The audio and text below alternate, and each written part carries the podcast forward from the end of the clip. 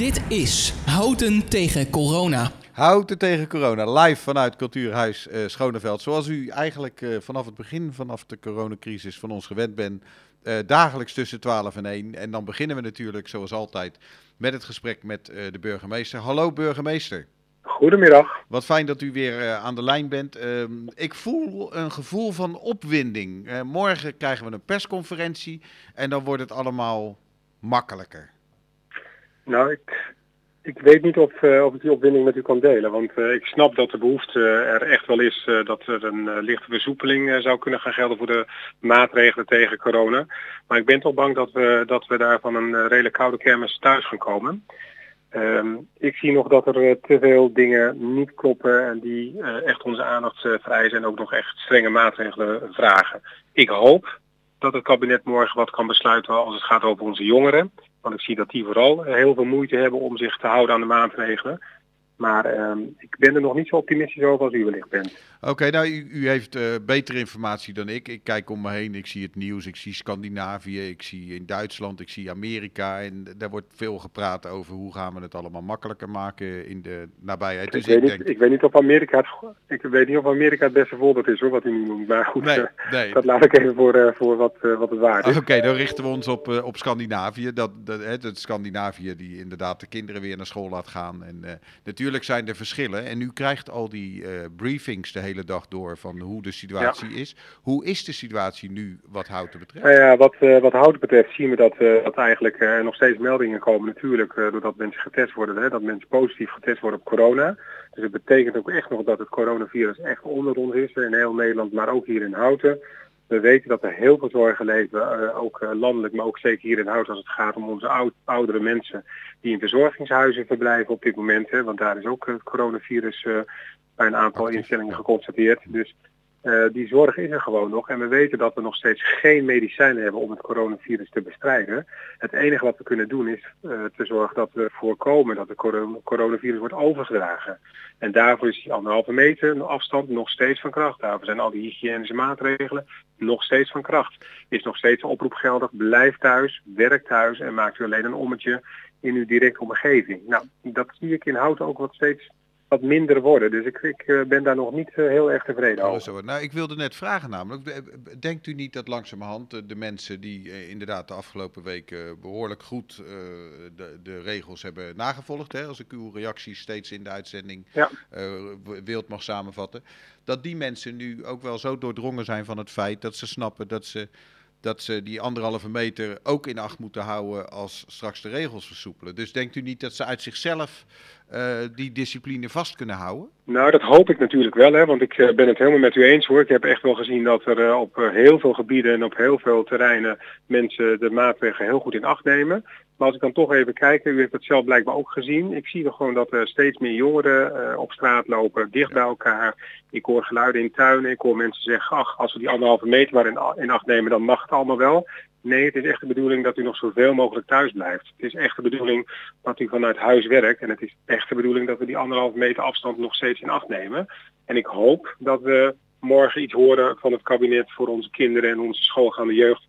Dat daar wellicht een versoepeling optreedt. Maar ik ben gewoon ervan overtuigd dat er nog een heleboel regels zullen blijven zoals ze nu zijn. Als u, als u minister-president was, dan zou u morgen voorzichtig zijn met het, uh, met het versoepelen van de regels.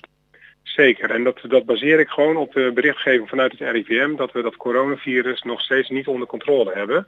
Uh, en we hebben gelukkig wel gezien dat met alle maatregelen die in Nederland zijn afgekondigd en waarin we in Houten gelukkig heel goed aan meewerken, dat dat in ieder geval leidt tot een afname van het aantal besmettingen en het afname van een aantal mensen op de intensive care. Dat hebben we wel nodig, hè, want er is nog steeds geen medicijn tegen dat uh, zeer vervelende virus. Nee, nou, nou kan ik me eigenlijk een deel van uw zorg wel voorstellen, want Houten heeft eigenlijk vanaf het begin van, van de crisis uh, best een bijzondere plaats ingenomen. Hè. We, we, we waren Zeker. er eigenlijk vrij vroeg bij en we hadden flinke cijfers. Dus ik snap uw zorg wel voor een deel. Uh, welke bevoegdheden heeft u, als uh, dadelijk de minister-president zegt we gaan het soepeler doen. Hè? Ik zit even te denken aan de discussie die in Amerika heeft plaatsgevonden. Maar eigenlijk nu ook een beetje in Duitsland, waar de deelstaten ook aan het versoepelen zijn, terwijl Angela Merkel dat niet wil. Wat kunt u aan, aan eigenstandige uh, dingen doen als de minister-president te ver gaat in zijn versoepeling? Nou, kijk, als het, kijk, wat we natuurlijk ook als uh, gemeentebestuur, wat ik als burgemeester van de gemeente Houten natuurlijk altijd doe, is uh, de landelijke richtlijnen volgen. Hè. Dus daar waar, de, waar het Rijk versoepeling toestaat, dan is dat voor mij als burgemeester een richtlijn en zal ik daar gewoon in meegaan. Kijk, als het de openbare orde en veiligheid betreft, dat is de klassieke portefeuille van de burgemeester, dan heb ik die bevoegdheden nu ook. Dat doe ik wel in samenspraak met uh, Jan van Zaan als regio-burgemeester, want als de, de noodverordening is nog steeds van kracht. En daar is Jan van Zaan de leidende burgemeester in. Maar ik heb als uh, burgemeester van de gemeente Houten gewoon altijd mijn bevoegdheid om als het gaat over het terrein van openbare orde, uh, veiligheid, om daar gewoon mijn maatregelen te nemen die ik nodig acht om juist die openbare orde en veiligheid veilig te stellen. En hoort gezondheid bij de openbare orde en veiligheid? Ja, als de volksgezondheid in het gedrang is, en ik vind uh, in samenspraak met de wethouder volksgezondheid dat daarmee ook een gevaar zou kunnen optreden voor die openbare orde, ja, dan is dat uh, wel degelijk ook een bevoegdheid die ik uh, naar me toe kan trekken. Want voelt u al iets van een discussie in de regio over de versoepeling van die noodverordening?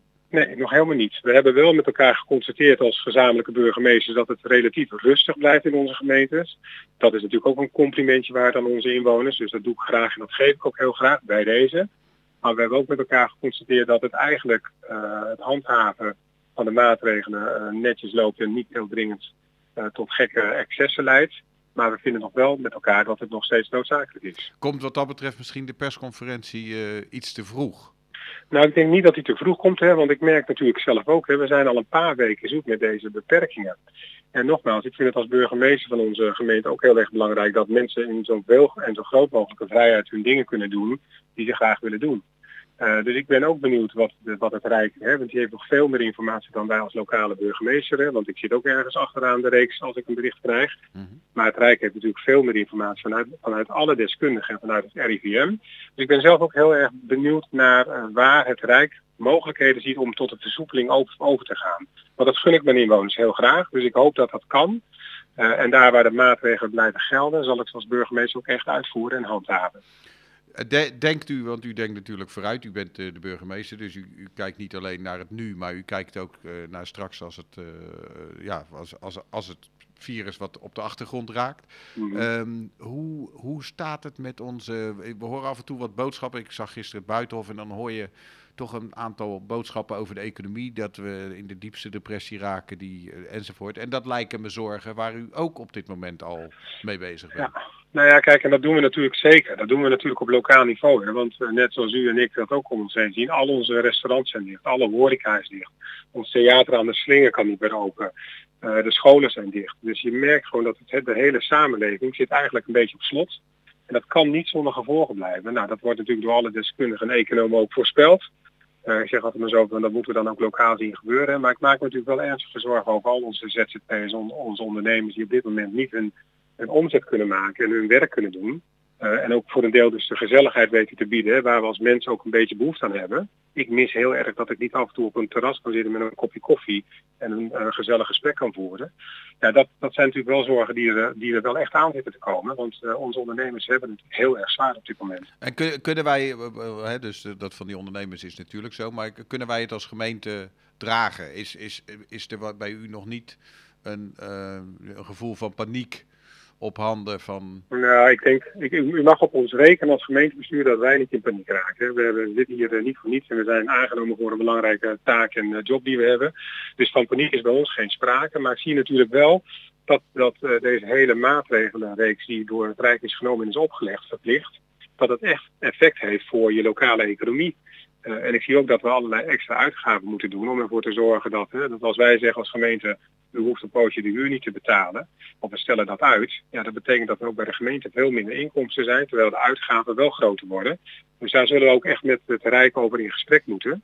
Maar allereerst uh, gaat mijn zorg toch gewoon naar onze lokale inwoners. Wat kunnen we voor hun betekenen? Wat kunnen we voor onze ondernemers betekenen? Onze ZZP'ers, onze culturele sector, onze maatschappelijke sector ja, dat blijft natuurlijk toch echt belangrijk. Hè? Dat onze gezondheid blijft hoe dan ook voorop staan. Eerst dat virus de stad uit.